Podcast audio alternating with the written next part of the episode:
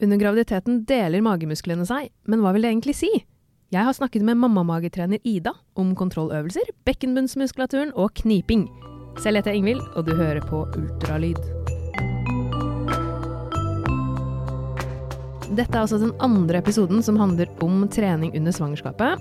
Og som i den første delen så har jeg med meg Ida Eriksson, som er personlig trener på Sats Nydalen og sertifisert mammamagetrener.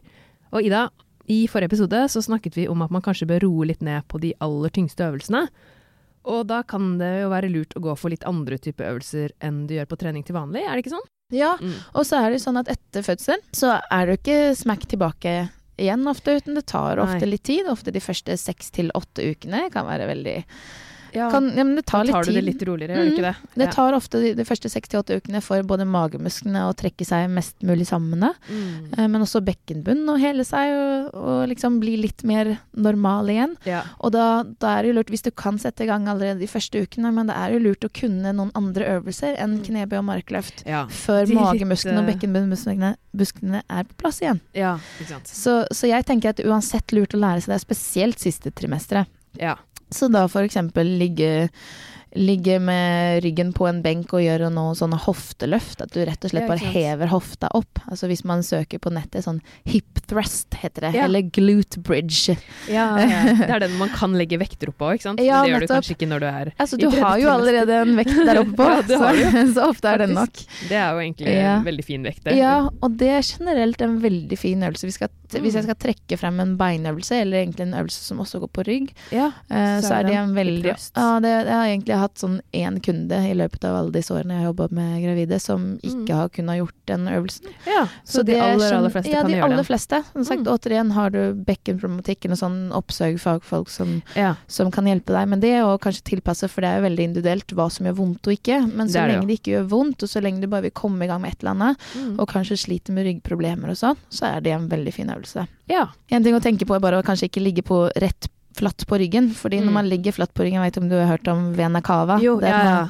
At du kan bli svimmel og Ja, ikke sant. Og Mm. det er ikke noe farlig. Bare, det er litt ubehagelig, Litt ubehagelig, liksom. Og det, ja. man veit ikke helt hva det gjør med fosteret over tid. Nei, ikke sant. Men- Hvis man men- ligger hele tiden flatt Ja, på ryggen. Ja, nettopp. Mm. Men det vil ofte stoppe seg selv fordi du blir såpass Ja, kvalm at du ikke greier Jeg syns jeg får litt mer kynner av det òg, kan det stemme? Av å ligge på ryggen sånn. Ja, det kan godt Det kan hende hende. det er tilfeldig, men Ja, jeg men- merker i hvert fall at det, det frister ikke så mye. Ligge helt flatt.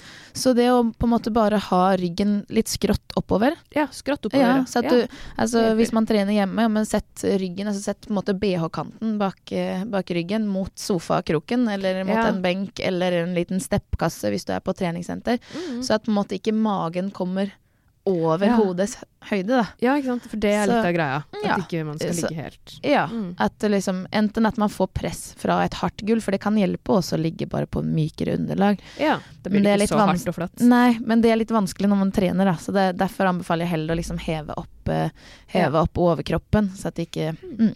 Og så et tips. på den øvelsen er rett og slett bare kanskje ikke løfte så veldig høyt, men heller faktisk prøve å, å jukke, for å si det rett ut. Vippe hofta. Ja. Eh, for da sånn- får man ofte ta på rumpemuskelen, og den eh, ja.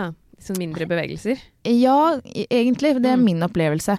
Og da er det ofte lettere å, å jobbe mer kontrollert med magen også, for ofte når man skyver Ja. veldig høyt opp når man er Ja, gravid, veldig langt ned og veldig høyt opp. ja, så, ja. så strekker du magemusklene, og da kan man få sånn Ja. spissform på ja, magen. Ja, det får jeg nå, jeg ser. Hvis jeg, Ja. løfter litt rart. Mm. og det, återigen, vi veit ikke om det er farlig, men jeg tenker Nei. at det er unødvendig når vi kan Ja. unngå det. Ja, man kan jo ikke se for seg at det gjør noe bra, eller noe nytte i hvert fall, når det liksom kommer en så liten Mm. spiss.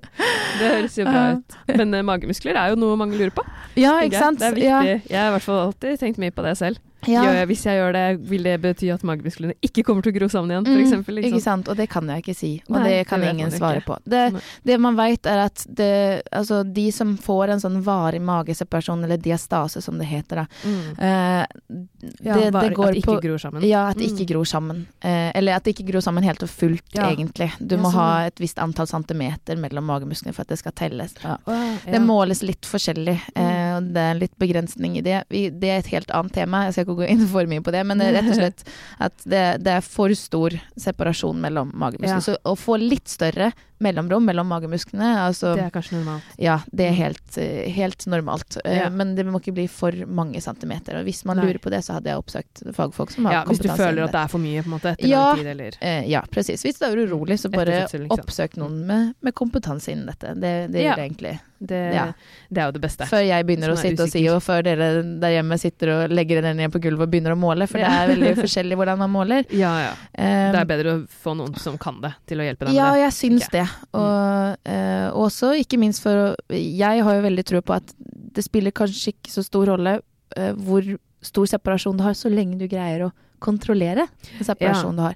For det er jo faktisk sånn at selv om magemuskelen Du har liksom to Disse her sixpackene som man sier, er Mm. egentlig en eightpack, men vi sier sixpack nå. Ja, for det er egentlig eight. Ja, ja Det hadde det. snikk. Mm. Og eh, midten av de, eh, de Det er jo da fire på hver side. Mm.